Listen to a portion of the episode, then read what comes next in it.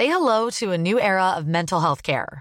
Cerebral is here to help you achieve your mental wellness goals with professional therapy and medication management support. 100% online.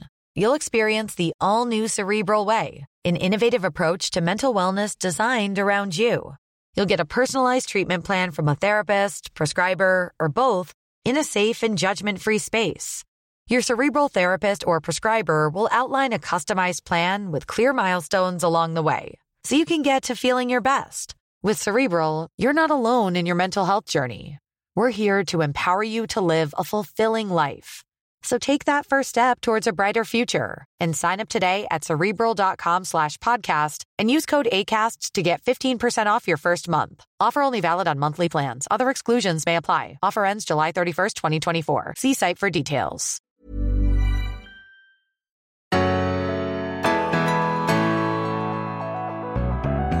Varmt välkomna till Berätta alltid det här. Jag heter Frida Boysen. Och jag heter Tilda Boysen. Och idag har vi med oss en av Sveriges mest inspirerande just hälsoinspiratörer. Hon är tränare, yogainstruktör, hon eh, skriver fantastiska krönikor i Aftonbladet som berör oss och når ut till så många. Nu har hon dessutom startat en online-studio som heter Holistic Revolution Studio och det är vi så glada för. Mm. Varmt välkommen Erika Kitz Jölevik. Tack så mycket.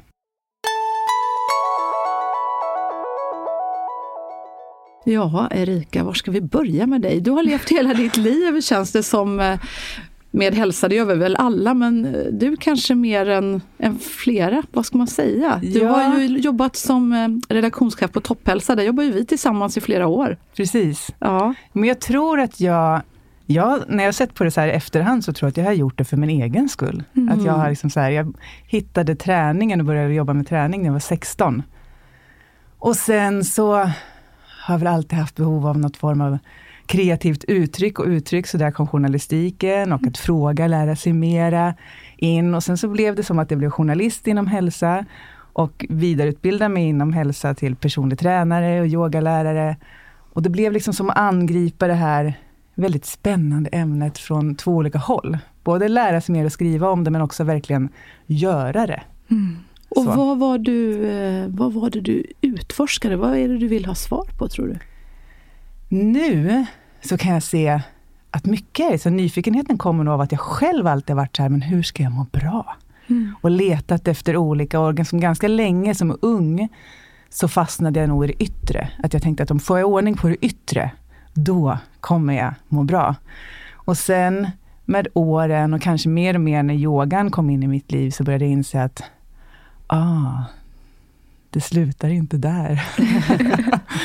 eh, och också börja förstå kanske eh, hur viktigt det är att ta hand om sitt inre. Och nu som steg tre, så känns det som att jag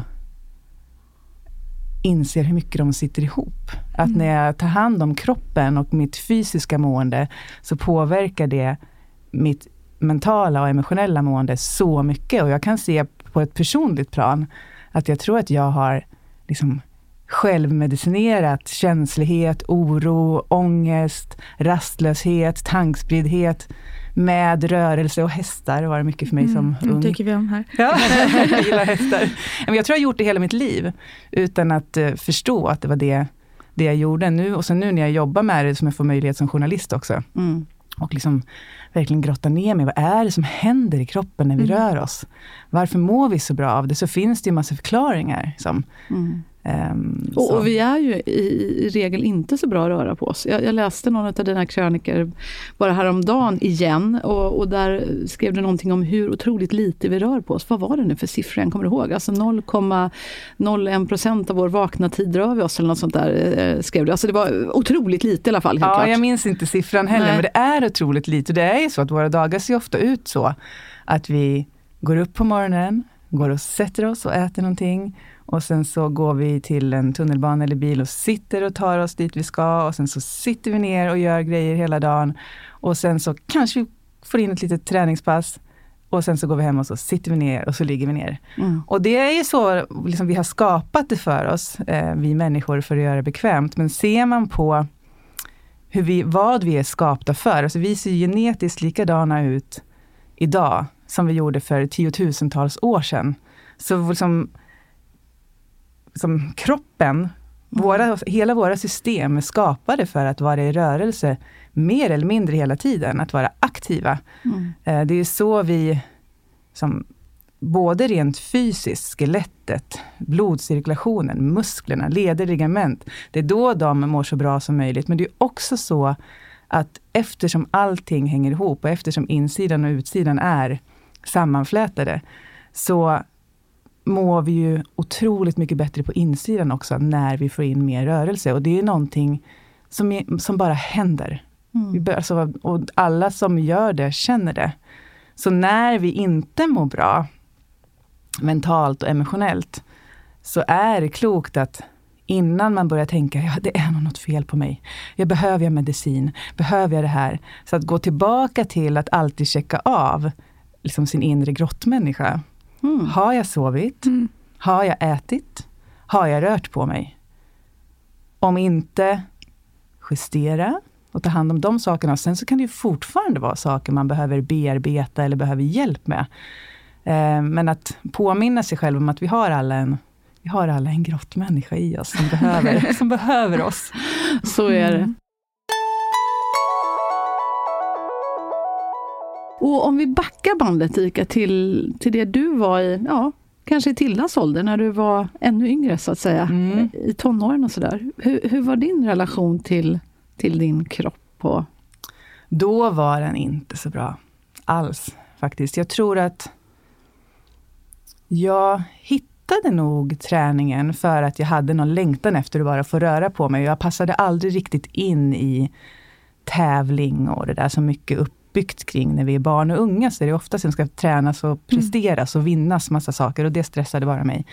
Då hittade jag Friskis och Svettis, mm. som jag älskade. Det var musik och jag fick röra mig och det var bara så. Jag fick leda grupper, vilket jag också tyckte var toppen. Kul. Så precis, man fick stå lite i mitten. Ja. ja, precis. Så, så det tyckte jag var härligt då. Så det kom från den platsen, men sen så ganska snabbt så fastnade nog jag i, eller nog, jag fastnade i det yttre och i att kontrollera kroppen, gå ner i vikt, se stark ut och smal ut och liksom utseendet blev väldigt viktigt. Så det var som att de, skulle jag säga, idealen och normen som rådde och kraven som ja, än idag i allra högsta grad finns på unga och vuxna, men som finns på oss utifrån, kidnappade nog lite den liksom från början rena glädjen av att få röra mig. Och så blev det liksom chefen på något mm. vis. Så det slet jag med ganska många år. Så, um, hur, hur kunde de tankarna se ut? tankarna rent praktiskt gick ut otroligt mycket på att hålla stenkoll på vad jag åt. Så lite som möjligt, mm. hela tiden. Och att liksom träna mycket hela tiden och liksom hålla konstant liksom kontroll på den balansen. Och att bli så smal mm. som möjligt. Så, så det här, det som händer med, med ätstörningar, som det blev för mig, är ju att det någonstans kidnappar och blir chef över hela ens liv. Mm. På något vis. Det blir det viktigaste. Och eh, ja, livet blir ganska smalt. Mm. Ganska trångt. Liksom. Mm. Ja, ja jag, har, jag har nallat lite där. Jag, jag hade en personlig tränare för några år sedan som tipsade mig om någon app där man skulle... Liksom, Lifesum. Ja, just det. När man skulle räkna kalorier och sådär och liksom förstå hela den här plus och minus-ekvationen och sådär. Men jag, jag, jag, kände, han sa det från början också, att eh, håll inte på med den där för länge. Ha den bara någon vecka så du fattar ungefär liksom hur det mm. funkar. Och, och det tyckte jag var, var ganska bra tips. För jag, jag tror jag höll på med den ett par veckor, men sen kände jag att nej, det här känns inte bra. Nej, jag slog det på nosen när jag såg den. Ja, man, man, man, ja men eller hur, man blir, det är så lätt att bli obsess. Det är så mycket... Nej, det, så jag, ja, men och det, ja. ja, och det som också händer när vi tar till appar, klockor, mm. mäter, mm. allting ska mätas utifrån med teknik. Det är att vi slutar känna efter. Mm. Hur känner jag mig? Mm. Känner jag, hur mår jag av att äta det här? Är jag mätt? Är jag hungrig? Eh, hur känns det när jag rör på mig? Vad behöver min kropp idag? Så vi slutar ju helt mm. fråga oss själva och frågar som kanske först en personlig tränare, så det är en annan människa. Det är liksom, mm. okej, okay, även om det bara är jag själv egentligen som kan känna mig. Så, men sen så går vi över till att fråga teknik, vad jag mm. behöver. Så vi tappar ju också där någonstans kontakten med oss själva. Och det tror jag vi är många som vi tappar den kontakten som ganska unga och då är det inte helt lätt. Det är en liten resa tillbaka till att lära känna sig själv och sin kropp och sina behov. Ja, och den igen. appen är ju så här, om jag inte missminner typ att om det du äter för mycket, då är det bara rött och ledsna gubbar typ. Och är det bra, då är det grönt om du äter för lite och så är de glada gubbar. Men det blir också så här ja, lite i hjärnan, kanske. att det blir så här, mm. ja nu är det rött igen, då kommer lite ledsen gubbe. Det blir inte heller lika kul att man blir, får den reaktionen på en app liksom. Verkligen inte. Nej. Och det blir ju också någonting, tror jag, djupt skevt med när vi börjar liksom mäta mat i hur mycket, mm. lite och inte liksom helt tappa bort hur smakar det? Mm. Hur är stunden när vi äter tillsammans? Hur mår jag av det här? Alltså någonstans, det finns någon form, jag kan tycka att det också finns någon form av så här, värdighet i att liksom, tänka och känna lite på vad man äter. Vi tappar liksom någonstans bort hela det faktum att jag vet inte, jag kan göra den här frågan väldigt stor ja, ja. om du vill. Så jag gör det. Ja, gör det. En parentes. Men vi, samtidigt som vi håller på och mäter vad vi ska äta och inte i en app mm. och blir helt obsessed med svartvitt, svartvitt, svartvitt. Mm. Vi gör vårt liv väldigt litet. Samtidigt så har vi också en planet som håller på att gå under av att mm. vi liksom som skövlar regnskog och vi liksom, alltså allting som vi håller på med med klimatet. Um, och ja, vi har en planet som inte heller mår bra. Och jag tror att om vi skulle bli lite mer medvetna om att se att vi allting hänger ihop, att vi sitter ihop, att vi börjar tänka lite mer på var kommer det här som jag äter ifrån? Mm. Vill liksom, och vad trevligt, varje gång man har köpt någonting på en gård som man vet är så här, odlat här, så känns det ju bra när man äter det. Mm. Och äter man kött så känns det så nice, man vet att det är vilt. Eller om man har fiskat en fisk själv, det är kanske en Pocahontas-idyll. Men det finns någonting i det där att man bara så här, att det är lite härligt att känna att man är en person som man lever kanske så pass långsamt som man hinner göra ett aktivt val och göra något som är bättre för både mig själv och världen. Liksom. Mm. Mm. Det är någonting skönt i att leva på det sättet som jag tror skapar en balans i oss också. Där vi får ett annat fokus, där vi slipper, där vi kommer bort från rött, grönt, rött, grönt och istället börjar känna vad vi äter. Mm. Och då får vi inte riktigt samma obsession kring mat. Mm. Ja, det, det, låter härligt. Och när jag tänker på dig Erika, då, då ser alltså jag tänker på dig så här, med, med händerna typ nerborrade i jord. Alltså så här, att du är ja. så där nära vår jord på något vis. Och, och du, du har ju en, en gård i, idag. Eh, var, var ligger den någonstans? I, den ligger mellan, ja, den ligger utanför Stjärnhov, ja. strax efter Gnesta i Sörmland. Just det. Ja, jag har en gård där jag gör retreats. Um, och så, tysta retreats. Uh, oh, herregud, har det, varit. det Man, låter svårt. Mm, det, det, är så svårt. uh, men jag började med dem för att jag själv började göra tysta retreats för mig själv. Och sen så insåg jag att det här vill jag också ge till andra. Så då får man komma dit ett tyst dygn. Kommer man dit så får man lämna ifrån sig sin mobil. Och så har man inga böcker, ingen musik, ingenting. Man får en anteckningsbok och så är man där mitt i naturen. Det ligger på en ö. Och så går man runt och så är man tyst.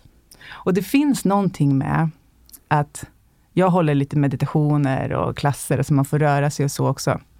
Och, och får du prata då eller? Jag får prata då, men jag pratar inte med folk emellan. nej, nej.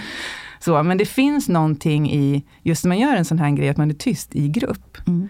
som gör att man, jag brukar säga att jag får känna att jag har liksom närmre kontakt med, eh, med de som jag träffar på ett tyst dygn eller en tyst helg, än vad jag haft med folk som jag har liksom pratat med en vecka. För det händer någonting med när man är tillsammans utan att säga någonting. Man kommer liksom åt ett annat lager på något vis, skulle jag säga. Plus att det är sjukt nice att Säg att ni två skulle mm. komma på sånt här tillsammans. Jag har haft faktiskt mor och dotter som har varit där och också vänner och par. Och så, där. så man är där tillsammans, man ser varandra, när man är tyst och inte distraherar sig med saker, för det är ofta det vi gör när det kommer upp mycket känslor i och så åker liksom mobilen upp eller vad det är, så distraherar man sig. När man inte kan det, då kommer känslor kommer och går. Så en stund är man ledsen, en stund tycker man att allt känns jätteskönt, en stund är man superfrustrerad. Allt kommer. Så då ser man den andra personen, man ser andra i gruppen gå igenom allt det där.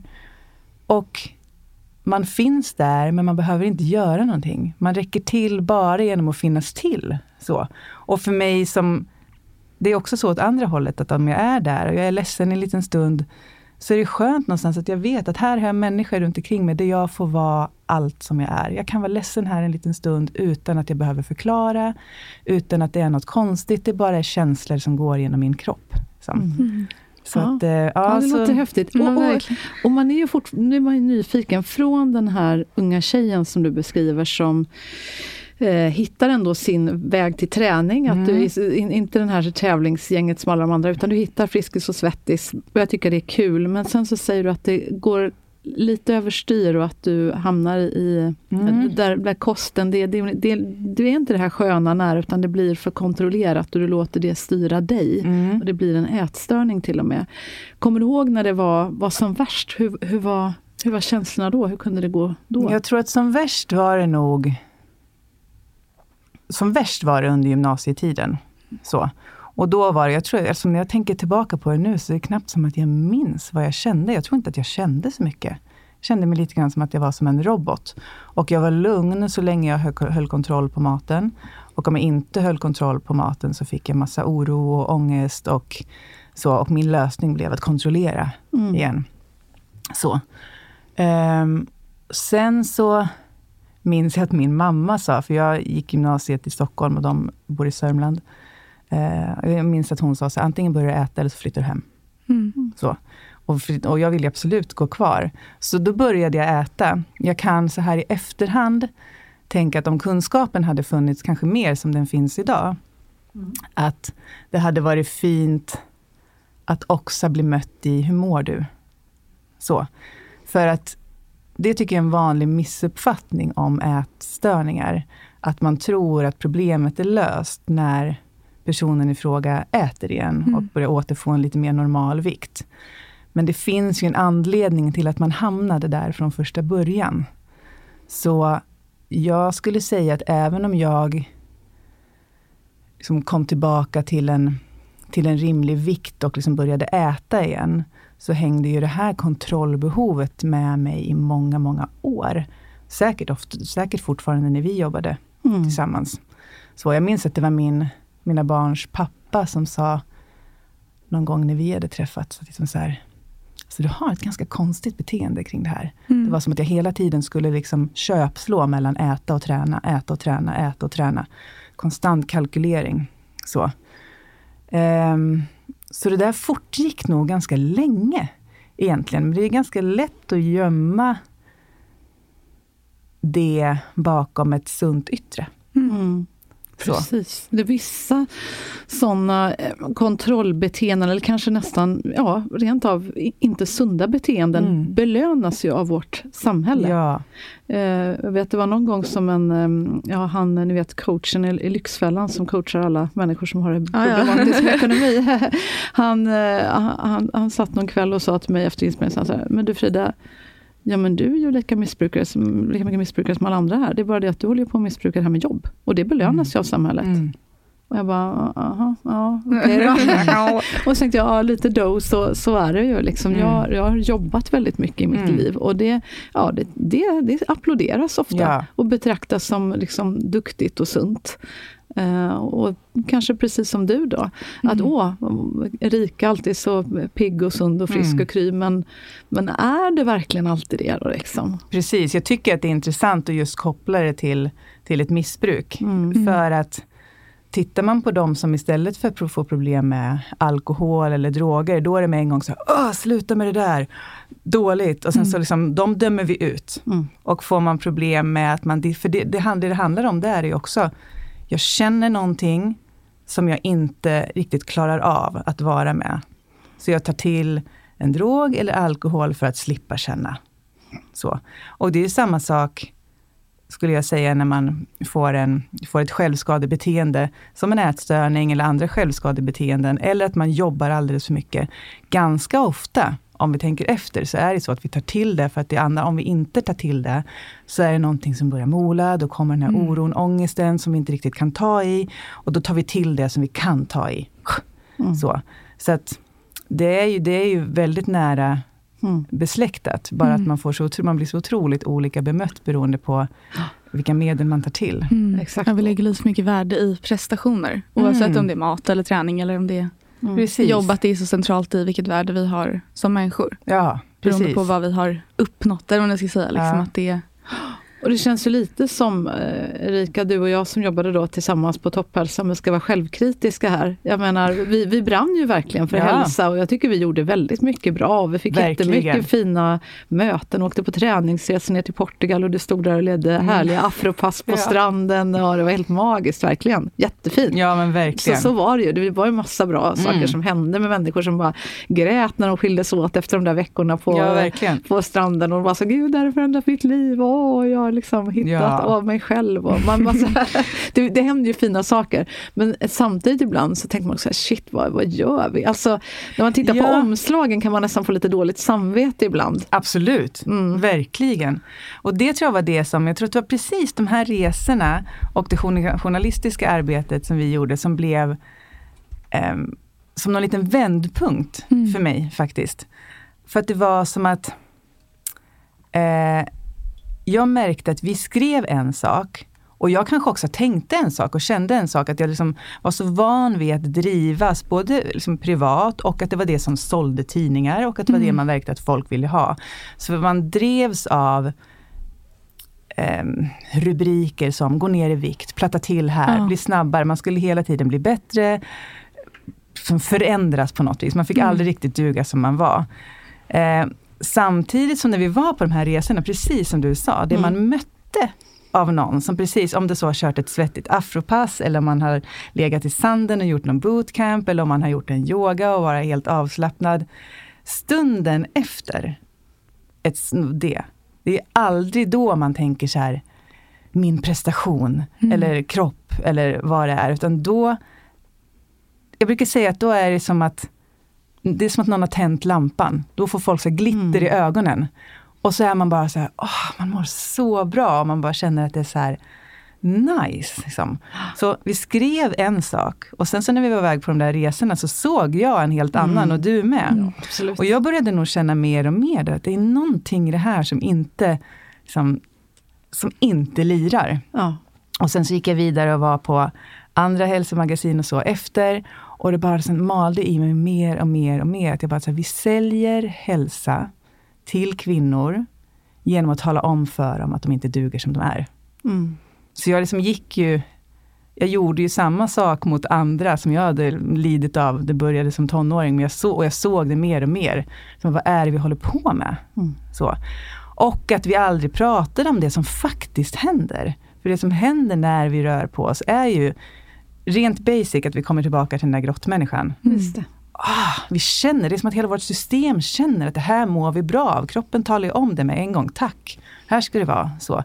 Men det pratar vi aldrig om, att vi är så vana vid att prata om hälsa och träning som någonting som jag ska göra för att nå ett framtida och yttre mål. Ja, det är, det är mycket på den tiden. Tack och lov har det faktiskt förändrats känner jag. Men då var det Mm. mycket så här, gå ner fem kilo Ja. på fyra veckor. Och det var väldigt mycket fokusering. Väldigt mycket kring det. Och jag tycker att det, det är verkligt coola med rörelse och träning. Det är ju egentligen inte så mycket de långsiktiga målen. Tycker man, har man det som intresse, att man gillar att tävla, att man gillar liksom det, och mår skitbra av det, go ahead. Så. Men för oss andra som kanske är, har annat som törs- största intresse och är, bara vill må bra, Mm. så är de kortsiktiga målen så mycket mer intressanta. För det är ju så att om jag beroende på hur jag mår, om jag mår på ett visst sätt just nu. Och sen om jag rör mig, och också faktiskt hur jag rör på mig, kommer att påverka hur jag känner mig om en kvart eller om en halvtimme. Mm. Så, så med den kunskapen, om jag vet om att gör jag det här nu, säg att jag ställer mig och skakar här en liten stund, Mm. så kommer jag känna mig annorlunda efteråt. Då det ligger så mycket närmre till hands och det blir också intressant och relevant för alla. Mm. Att jag kan röra mig på ett sätt för att få lite mer energi. Jag kan röra mig på ett sätt när jag vill lugna ner mig och bli mjukare. Jag kan röra mig på ett sätt för att väcka lite jävlar anamma och visa vart skåpet ska stå. Mm. Eh, så. så de kortsiktiga målen är mycket coolare än de långsiktiga. tycker jag, de långsiktiga, att vi får starka ben och sådär, det kommer ju på köpet. Det får vi oavsett vad. Liksom. Men det här som händer nu, när vi rör oss, det är ju Ja, häftigt. mäktigt. Man,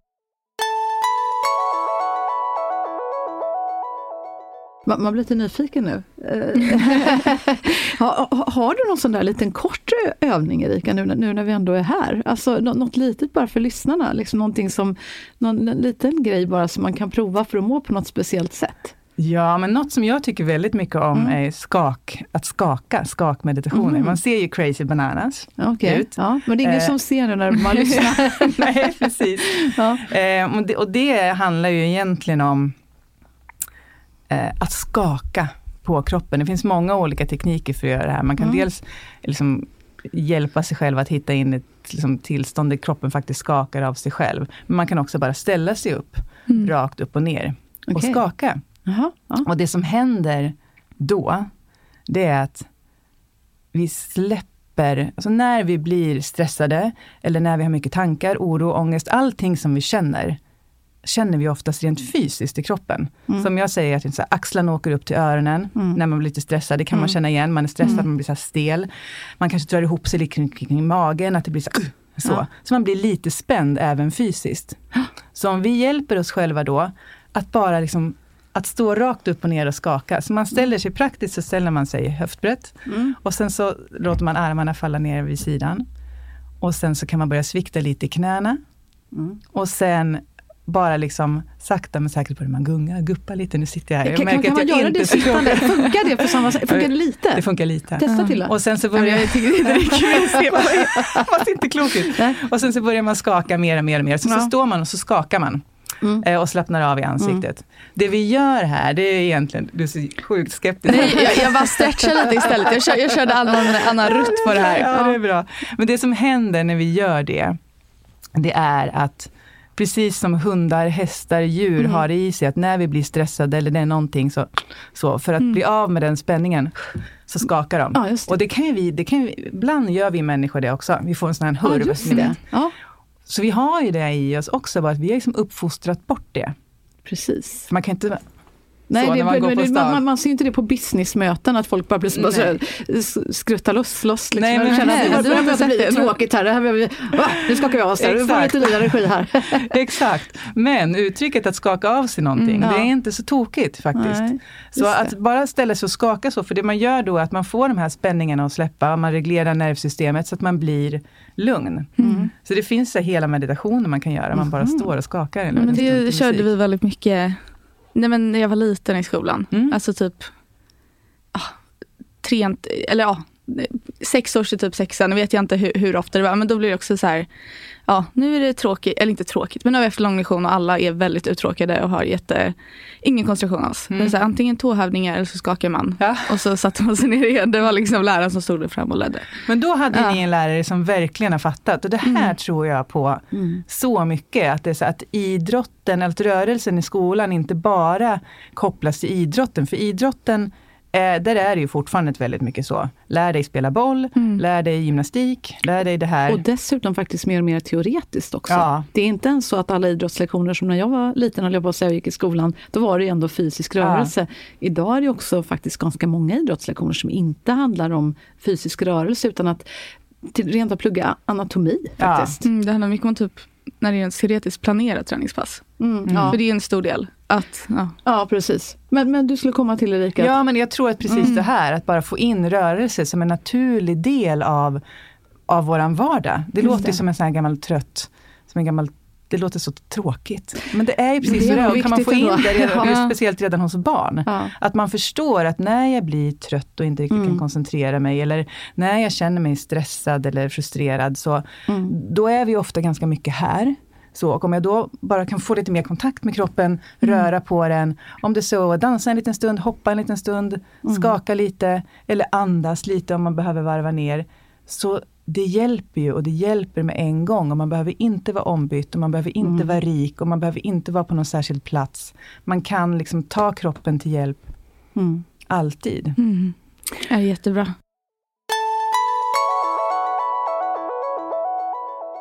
Men jag är lite sugen på att höra, vad hände efter det du berättade när du Mm. ja, men var 16 tror jag Mm. och eh, allt det här hände. Men sen så sa dina föräldrar åt dig att nu, nu får du börja äta annars åker du hem. ja. Vad, vad hände sen i ditt liv? Jag började äta. Ja. Jag är en duktig flicka. Mm. Det var- Bra mamma att gripa in. Ja, det var Mm. det. Verkligen. Nej, men jag började äta och liksom eh, men, var, men fortsatte nog vara ganska liksom obsessed med Mm. vad. Så. Ehm, och, fortsatte, liksom, och fortsatte med allt. Så, det hände nog egentligen inte så, jag försöker tänka efter. Det är så svårt det där med minne, för man blockar ju Mm. också ut när det är lite jobbigt på något vis. Eh, jag började äta och eh, fortsatte med träningarna och fortsatte jobba med det och liksom någonstans fortsatte allt lite som vanligt. Jag, för mig känns det som att den största skillnaden var att jag inte var så smal så att det stack i andra människors ögon. Mm. Jag undrar egentligen hur mycket som hände med mig på insidan eh, då, om jag ska vara helt ärlig. Mm. Så det kanske Eh. mer blev att du tänkte, ah, jag får nog ändå justera de här nivåerna lite för att inte folk runt omkring mig ska Ja, reagera. men lite på ett omedvetet sätt. Ja. Så. Sen så blev jag nog mindre och mindre liksom, obsessed med det. Mm. Men det följde ju med mig många år Mm. I livet. Eh, vilket jag tror att det gör med otroligt många. Ja, herregud. Ehm. Vi blir ju bedömda. Det- Så är det. Ja. Och jag tror att, som du säger, om man ska vara helt ärlig, det, Mm. det, så, så, så är nog säkert jag också, säkert många. Så att vi, att det, vi bryr oss om vad andra tycker om vårt utseende Mm. också faktiskt. Ja, men precis. Mm. Och sen så tänker jag att i och med att det balanserades då, så att jag inte Mm. var liksom så smal längre. Mm. Då fick man istället positiv feedback på det sen.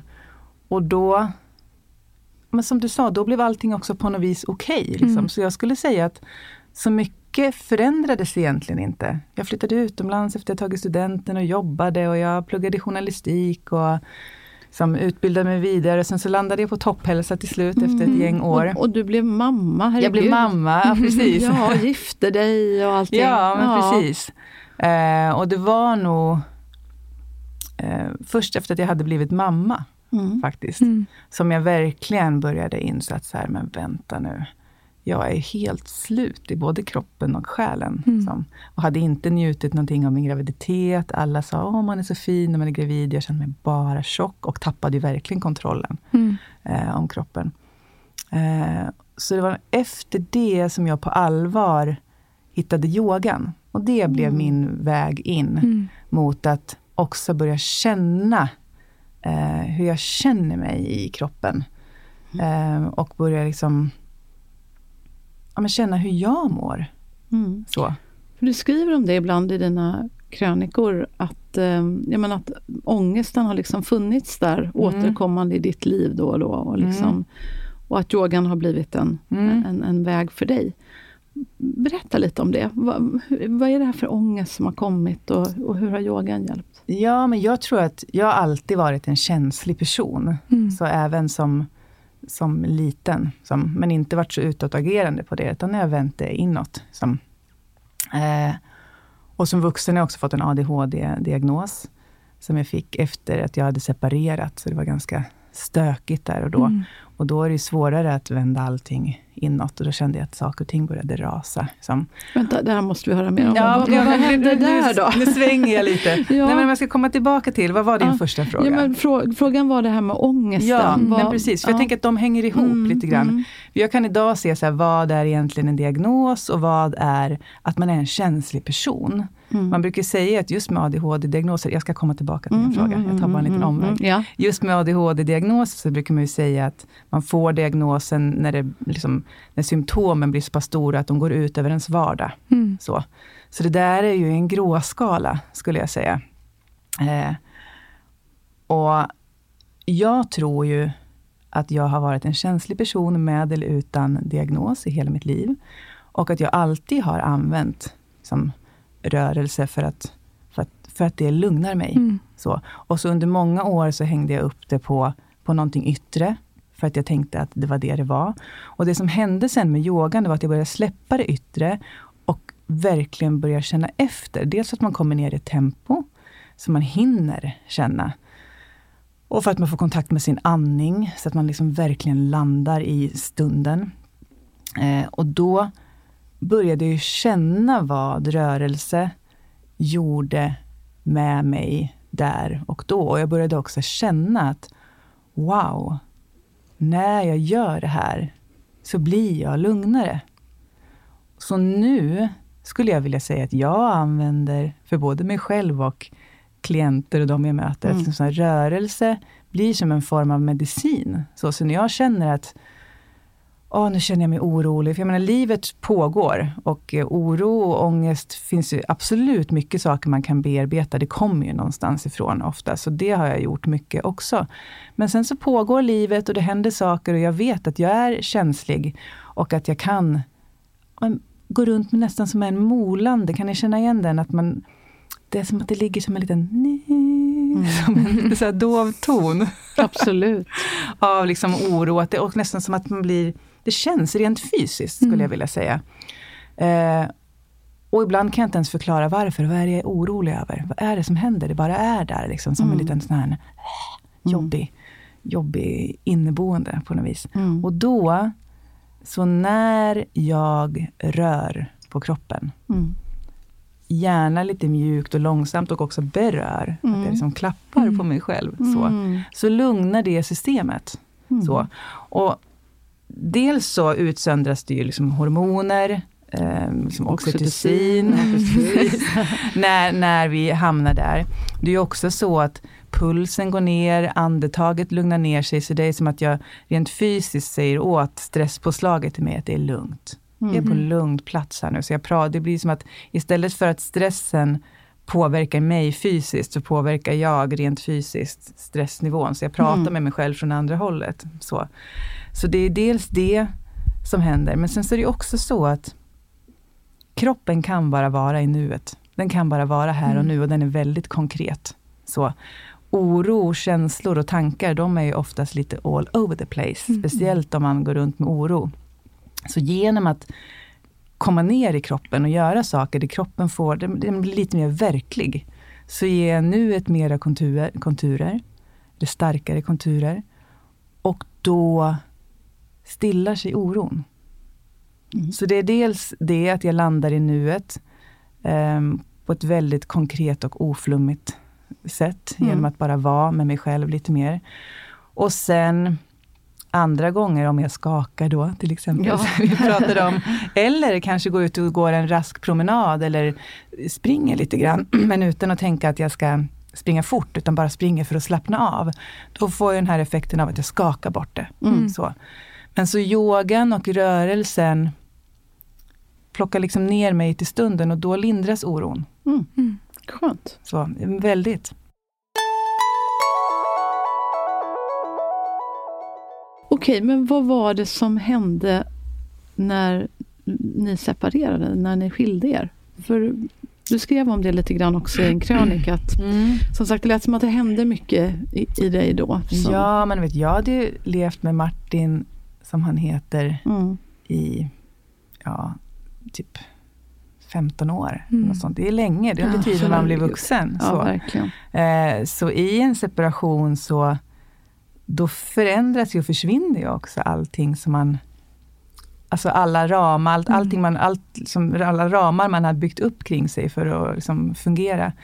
Så dels det, och sen så blev jag fejsad med, skulle jag säga, en, som den grundläggande rädslan för att bli övergiven och ensam.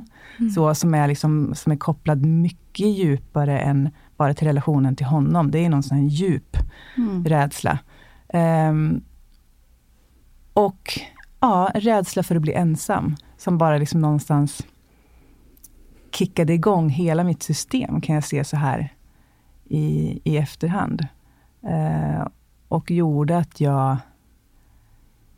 jag gjorde allt för att dämpa den rädslan och fungera. Liksom. Mm. Eh, men det fungerade ju ganska dåligt. Hur kändes det när du var mitt i allt det här och kände ja, allt det du beskriver nu? Vad var tankarna i huvudet som gick runt? Allt på en gång, ja. skulle jag säga. Men jag var, så, jag var så ledsen och jag var så rädd. Eh, och jag var så bara liksom uppslukad av den här oron och ångesten. Och så jag minns att jag kunde liksom, om jag inte kunde sova, vilket jag också hade svårt för, så brukade jag lägga mig på golvet på nätterna. För att bara känna någonting hårt mot kroppen, för att förstå att jag är här. Återigen för att komma ner lite grann i kroppen. För det känns nästan som att det blir en sån utomkroppslig upplevelse. Mm. Att man bara blir, man hamnar som i något moln runt sig själv mer. Eh, så otroligt mycket oro. Jag kände också att jag hade väldigt svårt att klara av vardagen mm. med allting som ska fungera när man har två barn. Att man ska lämna en viss tid på morgonen, de ska ha med sig gympakläder rätt dagar i veckan och det, allting som ska funka eh, funkade dåligt. Mm. Så, så då kom jag till en punkt där jag bara var så här, det här funkar inte, jag måste ha hjälp. Och så tänkte jag att jag har nog ADHD. Och jag ville verkligen ha den där diagnosen, för jag ville verkligen ha medicinen, för då tänkte jag att boom, sen blir allting bra. Tja. Mm. Så. Um, så då i, i den här jättekrisen, och det, jag tror vi pratar lite för lite om det. Alltså ja. det här med skilsmässa som ju är så vanligt, mm. alltså som så många människor går igenom. Men, hur många är det i Sverige? Det är väl typ två ja. tredjedelar eller någonting. Ja, verkligen. Mm. Det är så, så himla vanligt men ändå upplever jag också att jag, jag har säkert inte varit tillräckligt bra på att prata. Nu har inte jag gått igenom en skilsmässa, men mm. det är klart mm. att jag har separerat från långa, långa förhållanden. Mm. Och det är, upplever jag, lite tabubelagt. Alltså, alltså att ändå prata om, inte på samma sätt som kanske för 30-40 år sedan. Det var ja. en betydligt mm. större grej då. Jag kommer ihåg när mina föräldrar skilde sig. Min mamma var så ja. knäckt och skämdes och grät liksom varenda kväll apropå att det inte fungerade. Det var ju liksom mm. jag som satt och tröstade henne ja. eh, varenda kväll. Och hon, hon, hon skämdes så, kommer jag ihåg. Hon, och, och rädd var hon säkert också som mm. du säger. Men eh, så tack och lov tror jag det är mycket bättre nu. Men samtidigt Pratar vi tillräckligt mycket om det här med skilsmässa? Vad säger du Erika som, som nej, har varit där? Nej, kanske inte. Jag tror också att det kanske, dels så drabbas vi väl säkert olika av det också. Men sen så tror jag att det finns någon eh, det finns nog någonting i det som är lite så här, man borstar av sig och går vidare. Mm. Och jag tror också att ganska många kanske faktiskt går vidare in i en annan relation med en gång, därför att man inte riktigt står ut med känslan av att vara ensam. Nej. Eh, så man går snabbt in i en ny relation och, och, då är det någonstans som att man lägger plåster på allt mm. det där jobbiga som känns. Um, eller så går man helt upp i jobb eller någonting annat som vi varit inne på innan. Så mm. jag tror att man kanske hanterar det på olika sätt. Och jag vet inte, jag kan se så här idag, att det kanske var någonting i mig som ville, som ville och behövde åt den där liksom urgrundsångesten, ska mm. jag bli ensam? Den, att jag behövde den, för det var liksom som gamla sår från, från barndom och så, som jag behövde komma ner och läka för att verkligen bli stark i mig själv. Mm. Så kanske var det så att jag också mer eller mindre medvetet, för tro mig, jag ville fly in i nya relationer också, det gick bara ganska dåligt. men, men, så jag tvingades ju någonstans möta de demonerna. Mm, mm. Um, och känna på hur det har känts. Och det har varit skitjobbigt, ärligt talat. Mm. Men så här i retrospekt efteråt, så är jag ju glad att jag har varit där. För det är ju någonstans, mm. en vän sa till mig, det är mörkret vi ser stjärnorna. Mm, fint. Eh, ja, det är någonting med det. Det är så lätt att man alltid vill undvika mörkret, för det är mycket skönare att vara där det är ljust. Men om man aldrig går dit, då får man ju aldrig se det där guldet som ligger dolt under. Liksom. Nej, så, så ja, det är nog så att vi både pratar ganska lite om det, men jag tror också kanske att det hänger ihop med att vi inte så gärna pratar om psykisk ohälsa överhuvudtaget, som ni är mm. inne på i hela den här podden. Att vi pratar inte så mycket om när vi går dåligt och när, när vi mår dåligt och allra helst så kanske vi heller inte ens känner så mycket på när vi mår dåligt, utan Nej. vi hittar våra strategier och så kör vi på. Liksom. Ja, precis, och jag tror det är precis det det handlar om, att det är ju ändå en, en kris, man går mm. igenom ett uppbrott. Och sen tror jag att, precis som du säger, minns ju nu när jag tänker efter, gud, jag har ju ändå varit med om uppbrott i livet och det, herregud, jag skulle ju gifta mig, det blev ingenting. Jag, alltså jag har verkligen varit med om eh, kraftiga uppbrott ja. som bryter alla normer och sådär. Mm. Eh, men jag minns ju också att eh, att jag verkligen reflekterade kring de perioderna och tänkte så här, herregud, jag utvecklas som människa nu. Mm. Att ofta när man är i en relation så då, det ingår ju liksom att man kompromissar hela tiden. Man är ju liksom i relation till en annan människa väldigt nära. Men när man då inte är tillsammans längre, då är det ju bara en själv. Ja. Och då blir det ju verkligen nu hade du i och för sig barn att förhålla dig till, Mm. men, men man får ju utforska sig själv på ett helt Ja. annat sätt och börja ifrågasätta, men hur vill jag leva då? Nu, får, nu, nu, nu ska jag inte förhålla mig till någon annan, nu är det bara jag Mm. här. Vänta här nu, vad är det jag vill? Hur vill jag leva? Vem vill jag vara? Precis. Så det är ju samtidigt väldigt, väldigt utvecklande. Otroligt. Jag pratade faktiskt med mina barns pappa om det på vägen in hit Ja. idag.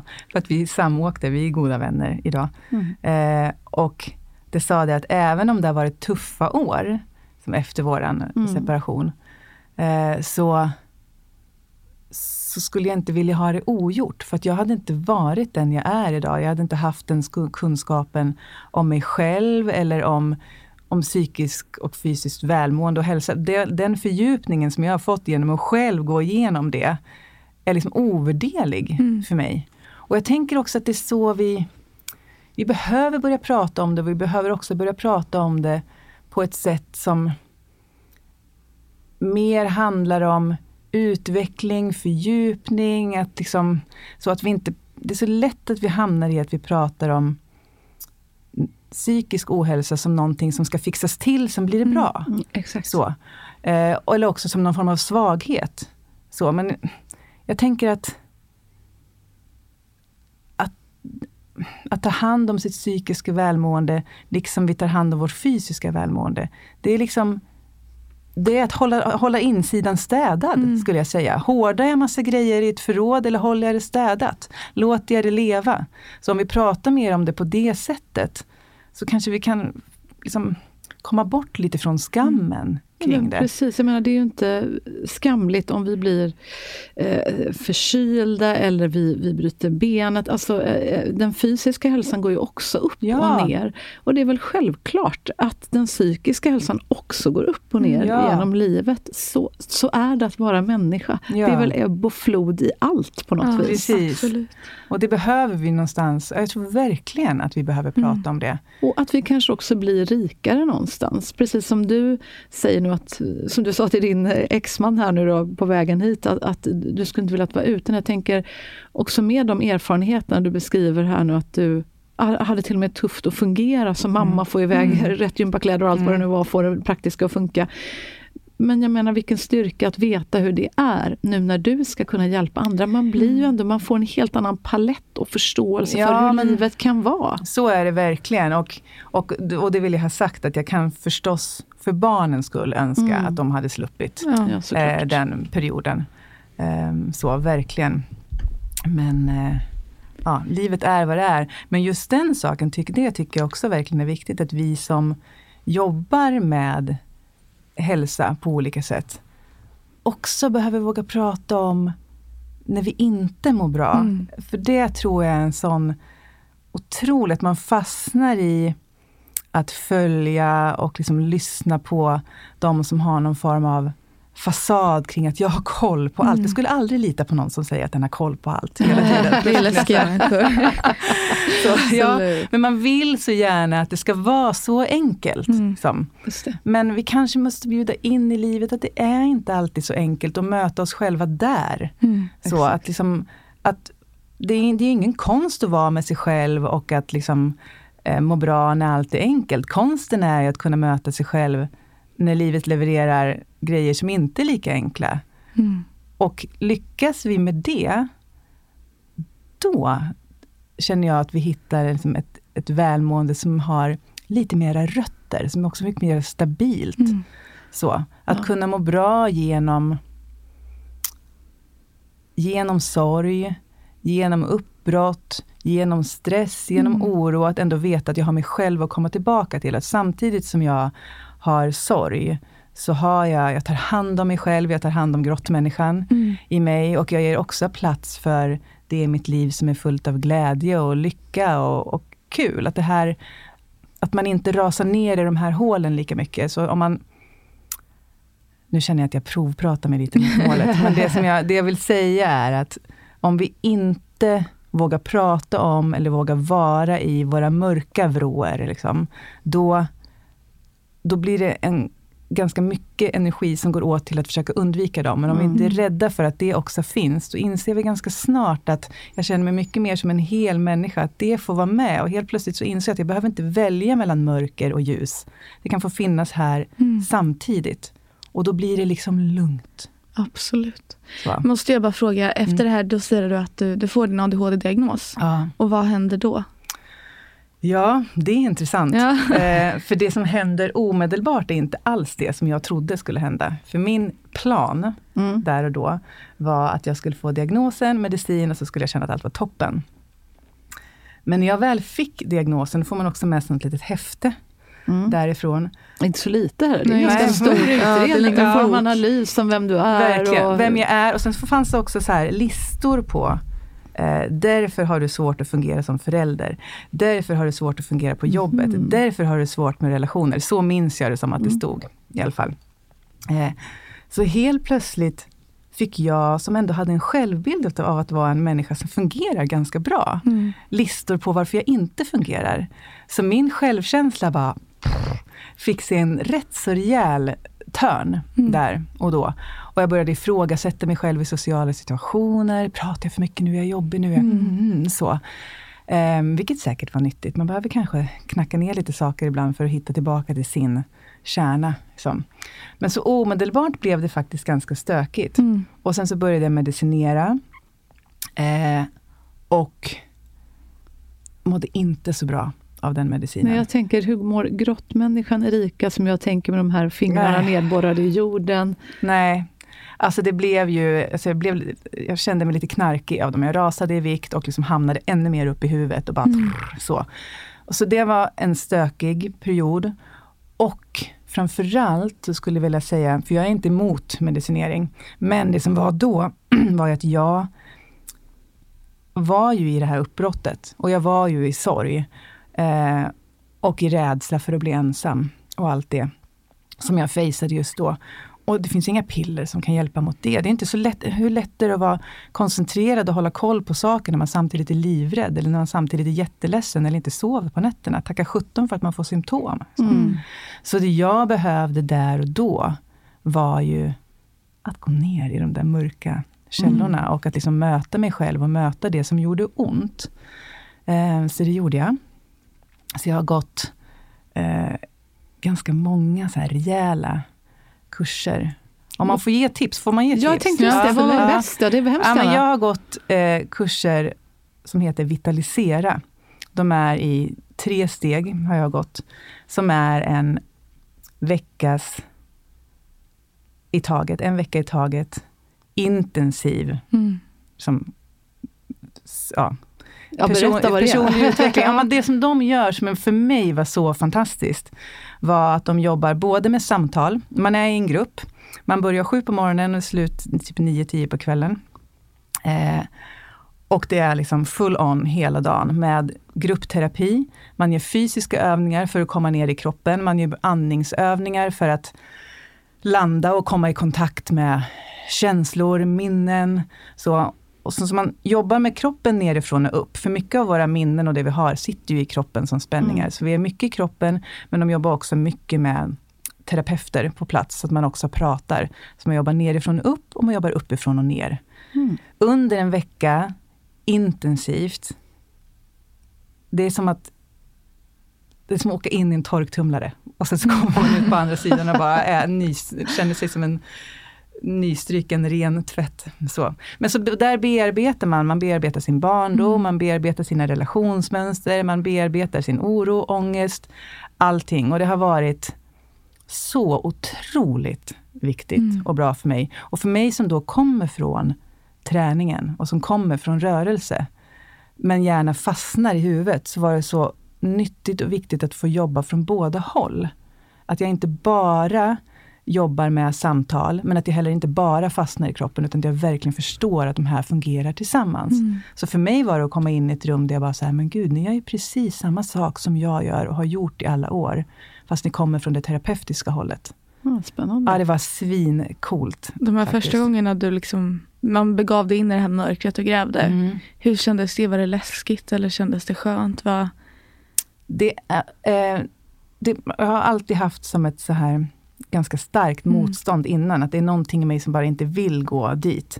Jag hade hållit på och nosa lite på det under flera år med de här tysta dygnen jag gjorde för mig själv. Så jag liksom visste ju om så, men när man har en terapeut med sig får man ju också hjälp att stanna kvar vid, men vad var det som hände där Mm. egentligen? Så, så det har alltid känts som ett motstånd.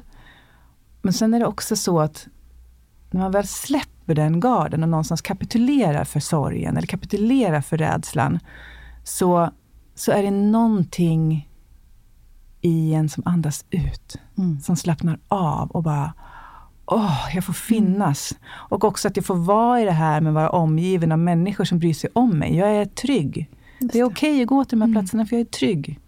Ehm, så det har varit jobbigt men också otroligt frigörande. Det är som att jag har liksom, tror jag, längtat efter att få komma dit och bara liksom bli vän med det där på något vis. Och slippa gå runt och undvika det. Nej, men det är ju som eh, hela namnet på den här podden, Berätta alltid Ja, det här. Precis. Alltså det finns ju någonting magiskt Mm. i att få berätta och som du Och också bli säger, sedd och sedd och lyssnad på. ja. För det är klart, om man bara berättar och inte är någon som lyssnar, det kanske skulle Ja, det är kännas värre, hemskt. värre. Mm. Ja, det är värre. Det är värre. Men om man berättar och verkligen blir väl emottagen och känner att man kan göra det i ett tryggt sammanhang. Ja. Det är ju ändå Jag tror att det är då vi magiskt. läker. Ja, jag tror Mm. också det. Jag är det är helt övertygad om det. läkande. Att få liksom också få gå tillbaka till sånt man har varit med om, som har varit jobbigt, som man kanske har känt skam över hela sitt liv.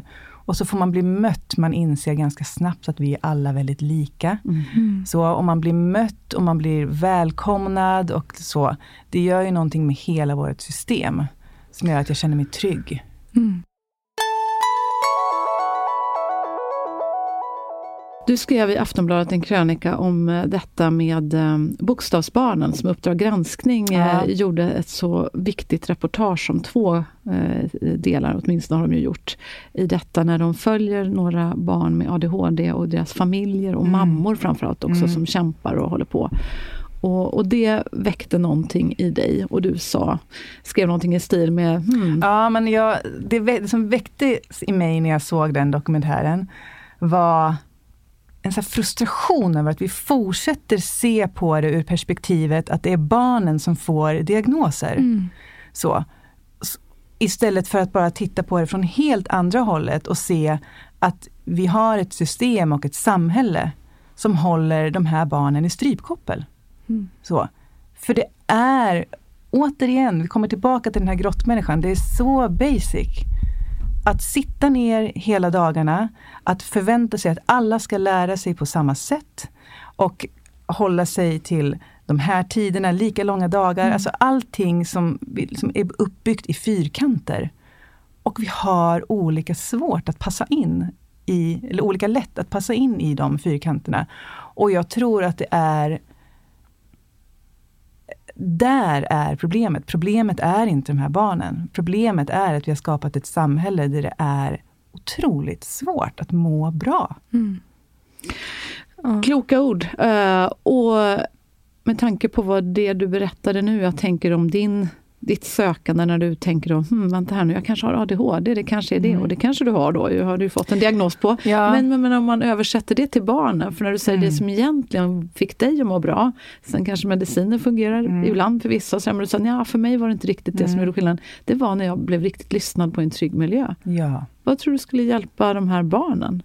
Jag tror att det skulle hjälpa otroligt mycket. Både den att få bli lyssnad på i en trygg miljö och känna, att få känna sig trygg, men sen också att få, få vara en lite mer naturlig miljö. Att, få, alltså, att det här som du pratade om Mm. till med att få ställa sig upp och röra sig på Ja. lektionen, att få liksom, att vara lite mer som ett barn. Mm. Så, gör ju att vi inte heller behöver kämpa mot det här hela tiden. Utan då skapar vi naturliga förutsättningar för att kunna koncentrera oss, för att kunna sitta still en liten stund. Ehm, så, så där behöver vi ju göra mycket. Och jag vill säga, apropå medicinering, för det är så lätt att det blir en för eller emot. Jag var ju, för mig fungerade det inte så Mm. bra då. Eh, utan jag behövde, jag slutade med medicin ett tag då. Jag behövde komma tillbaka till som, må bra från Mm. grunden. Så sen, efter att jag har gjort det arbetet, så har jag ju ändå förstått att med rätt dos medicin, det hjälper mig. När jag, för ibland kan vi ju inte välja. Ibland så behöver man sitta med en egen företagare med administrationsarbete till exempel. Mm. Och det är inte så lätt. Det är Eh, svårt. Så, så då, så roligt heller. det är inte så roligt. Vissa tycker det är skitroligt. Ja. Jag känner människor, eh, vi, vi har en annan gäst här i krokarna som vi hade, David Stjernholm, han är instruktör. Han Ja. älskar sånt Ja. där. Han tycker det är svinkul. Ja. Nej, men så då tycker jag att medicin kan funka för mig Mm. och hjälpa till. Så det är inte en svartvit fråga utan vi behöver ju också hjälp för att kunna fungera. Men däremot så tror jag inte vi ska blunda för att förstå att att vi har, liksom, att, att samtidigt ta hand om det som ligger där i grunden och liksom stökar till det. Så att vi möter oss själva från båda håll. Vi kan inte bara trycka in medicin och köra på som vanligt, utan vi behöver också se att det här är vårt system, grottmänniskan i mig, nervsystemet, hjärnan som säger så här, någonting är fel, jag behöver dig, jag mår inte bra. Så då behöver vi möta oss själva där också. Erika, du har ju också haft träningsrevolutionen, har, Mm. har du pratat om i många år. Det har liksom varit som en, ett ord som jag för, förknippar med dig. Och jag tycker det bor så mycket härlig kraft i det. Ja. Liksom göra en revolution med träning, och jag älskar det. Eh, och, jag, och samtidigt så snurrar mitt huvud när jag lyssnar på dig nu. All in all we're just another break in the wall. Ja, vet, liksom, jag tänker på hela det här utbildningssystemet som vi har idag. Och så tänker jag, undrar hur man kommer att se tillbaka på det. Om du vet 50 år kanske? Ja. Undrar om vi kommer att titta tillbaka på vårt skolsystem och säga, men herregud håller vi på med? Vi hade ju forskningen som sa att vi inte mår bra av att eh, sitta stilla och plugga, plugga, plugga koncentrerat i hur många timmar som helst utan att röra på oss. Vi vet ju det. Ändå skickar vi våra barn, det viktigaste vi har, i vår framtid, till en skola som utbildar på just det viset. Ja. Det är faktiskt helt sinnessjukt. ja, och det är skolplikt. Ja, och dessutom. dessutom, ja, precis, det är som vi tvingar hela våra ungar, alla våra Vi barn tvingar våra barn in i det systemet. in i Så det systemet. Och sen bara fortsätter det på Ja. något vis, för då är vi alla liksom intrugade i det där Ja. systemet. Och då fortsätter vi jobba ofta på det systemet, Ja. precis det du beskrev i början. Vi sätter oss ner, vi åker till en arbetsplats och så sitter vi där och sen så åker vi tillbaka och sitter någonstans framför en skärm. Mm. Ja, och precis. sen, Vi sätter in barnen i det systemet som vi själva inser nu att vi inte mår bra av. Och just och hela sitter, vi sätter in dem. Det är som att det här sittandet, nu sitter vi och spelar in podden, vi borde egentligen ställa oss upp och göra det borde bara vi som en revolution. Bara det. Ja, men, den här revolutionen ska in i skolan. Så, och det är så, jag tänker att det är så det kommer bli. Men någonstans så vi behöver vi komma in, där behöver man ju komma in Alltså på grundläggande nivå, på politisk nivå, man behöver komma in på vart lärarna utbildar sig. För det vi behöver är kanske inte fler idrottstimmar. Det vi behöver är att lä- alla lärare behöver ha förståelse för hur viktigt det är och hur vi kan implementera rörelse i vardagen. Och jag tror att vi behöver som börja se på rörelse kring barn på ett annat sätt. Så att vi hjälper barn också att inte bara koppla det till att bli duktig på någonting. Så, för om man inte är sorten som tycker att det är skitkul att bli duktig på fotboll. Så jag har ett barn som älskar det och ett barn som alltid varit helt ointresserad. Men båda har ju samma behov av rörelse. Ja. Han som älskar fotboll, det är jättelätt att motivera honom att göra allting. Han som inte gör det, han har haft jättesvårt att hitta någonting som är för honom. För det har varit som att rörelse är något för dem, de där. Det där tycker jag inte är kul. Så jag tror att vi behöver vända synen på eh, rörelse och idrott väldigt mycket i skolan och sluta, tänk om alla idrottslektioner, eller, tänk om alla dagar i skolan skulle innehålla mera rörelse överlag, det är ett. Mm. Men tänk om vi också på idrottslektionen skulle avsluta med att istället för att fråga eh, hur gick det?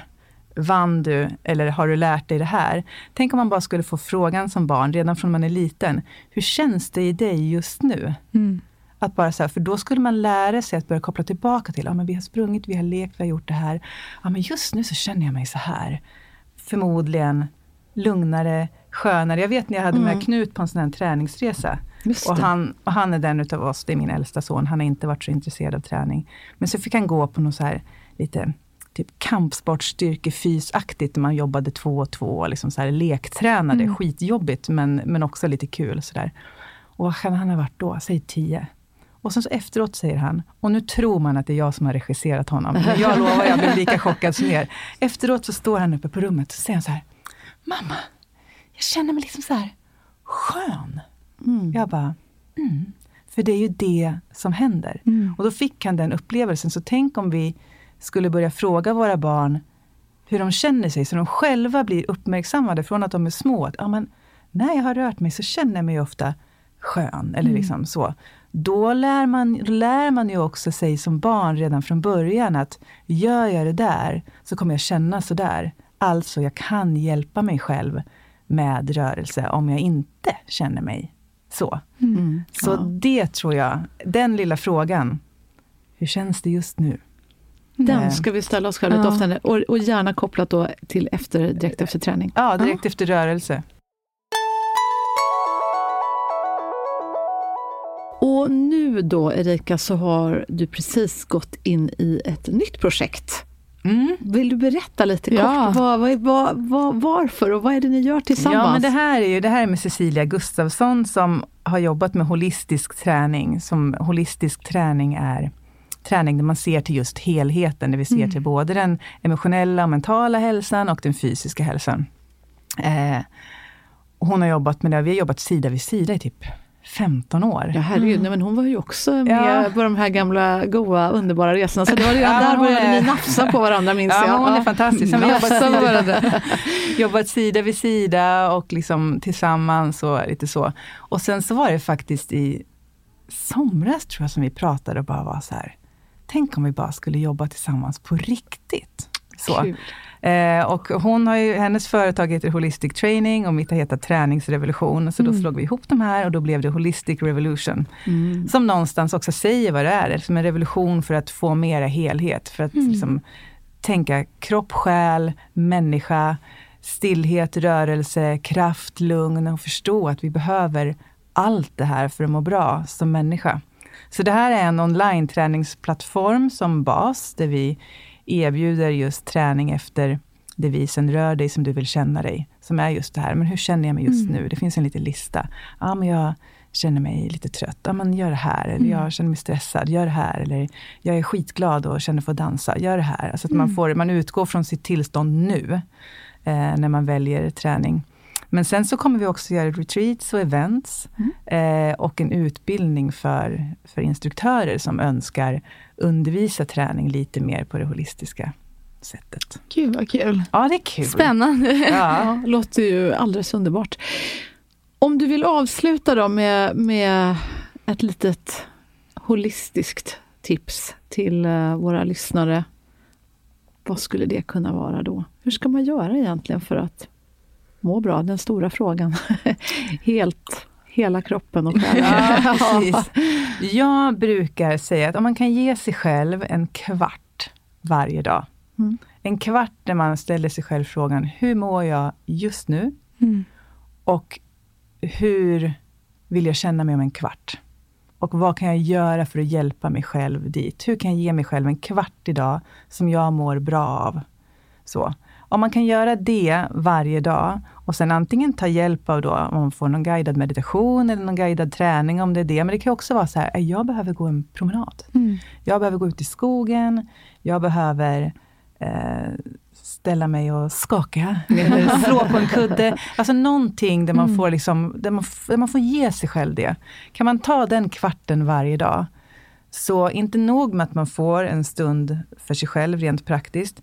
Man börjar också, man bygger en självrespekt och en självkärlek skulle jag säga, genom att man alltid kommer tillbaka till sig själv. Att Ja. jag vet om, jag lär mig själv att jag bryr mig om mig själv. För jag frågar mig själv varje dag vad jag behöver och jag ger det. Så, så då bygger man liksom om hela sitt synsätt på hälsa och träning som är någon ytterligare en sak jag borde klara av, till att det faktiskt är någonting som jag ger mig själv varje dag. Så man får vända den energin lite grann. Så den kvarten. Den Det låter som kvarten. ett bra tips. Underbart. Den kvarten tar vi med oss. Har du något tips på vad man lägger den på dagen? Jag tycker om att lägga den på morgonen. Så att man, det blir som att man sätter tonen för hela Mm. dagen. Hur vill jag gå in i den här dagen? Om jag har landat med mig själv på morgonen, så går jag liksom in i dagen oftast lite mindre kursivt och lite mera landat. Mm. Så. Jag vet en eh, konstnär som jag tycker mycket om, Claes Parknäs från Göteborg. Mm. Han sa någon gång, han mediterar varje morgon, sa han, ja, för det är viktigt för mig att jag möter mig själv, så att jag inte går ut i dagen och kräver det av andra. Utan har jag mött mig själv innan, då är liksom min kopp full när jag kommer ut och då blir jag mycket mer generös och Mm. lugnare och ah, softare. Liksom. Så det är ett skönt sätt att gå in i dagen, att ha varit lite med sig själv. Det blir någonting vi får testa till. Det tycker jag låter underbart, att starta en dag med, med att ge sig själv en kvart Mm. och fundera på vad, vad behöver jag, jag? idag? Mm. Ja, Vad, vad, vad kan jag göra för mig själv nu? ja vad kan jag göra kvarten? för mig själv just nu?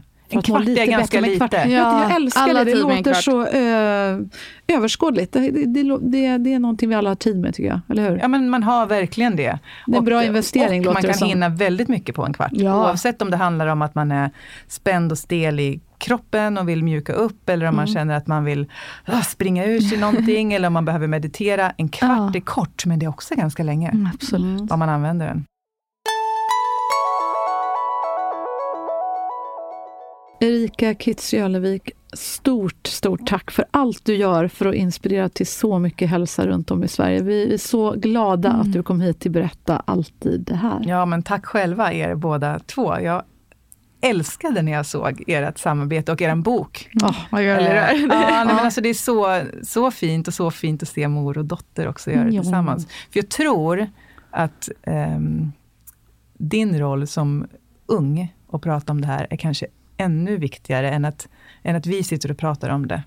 precis. Ja, men du Tack är så mycket. någon, alltså, om jag tänker på min son, Mm. så skulle han lyssna mer på dig än vad han lyssnar på mig. Det är så lätt att vi pratar om det här Ja. jättemycket, men att du ställer dig upp och pratar om det, det är inte självklart. Det är Nej, det har varit så modigt. fint att få göra. Tack så mycket. Detsamma. Ja, nej, men du ska sträcka på dig för det. Mm. Så att, eh, tack. Tack snälla Erika. Ja. Och tack du som lyssnar. Och blir du nyfiken på att eh, ja, lyssna mer på Erika, ja då, då får man helt enkelt eh, surfa in på eh, er Holistic Revolution-plattform. Ja, Ja, yes. Jajamensan. Ja, det blir man ju sugen på. Och har du någon bok på gång Erika? En vacker dag. Jag vet inte ens om jag får säga det. Nej, det låter spännande. Vi har det som en liten cliffhanger hörni. Ja. Och eh, vi andra, vi hoppas att vi hörs snart igen. Det tycker jag. Eller hur? På måndag så har vi en ny liten hälsoutmaning och eh, berätta gärna för någon annan om det här avsnittet så att fler får lyssna på Erikas kloka tankar om att skaka av sig och ställa de där frågorna till sig själv. Eh, ta hand om dig nu, eh, ha det bra så, så hörs vi snart igen. Tack för att du har lyssnat.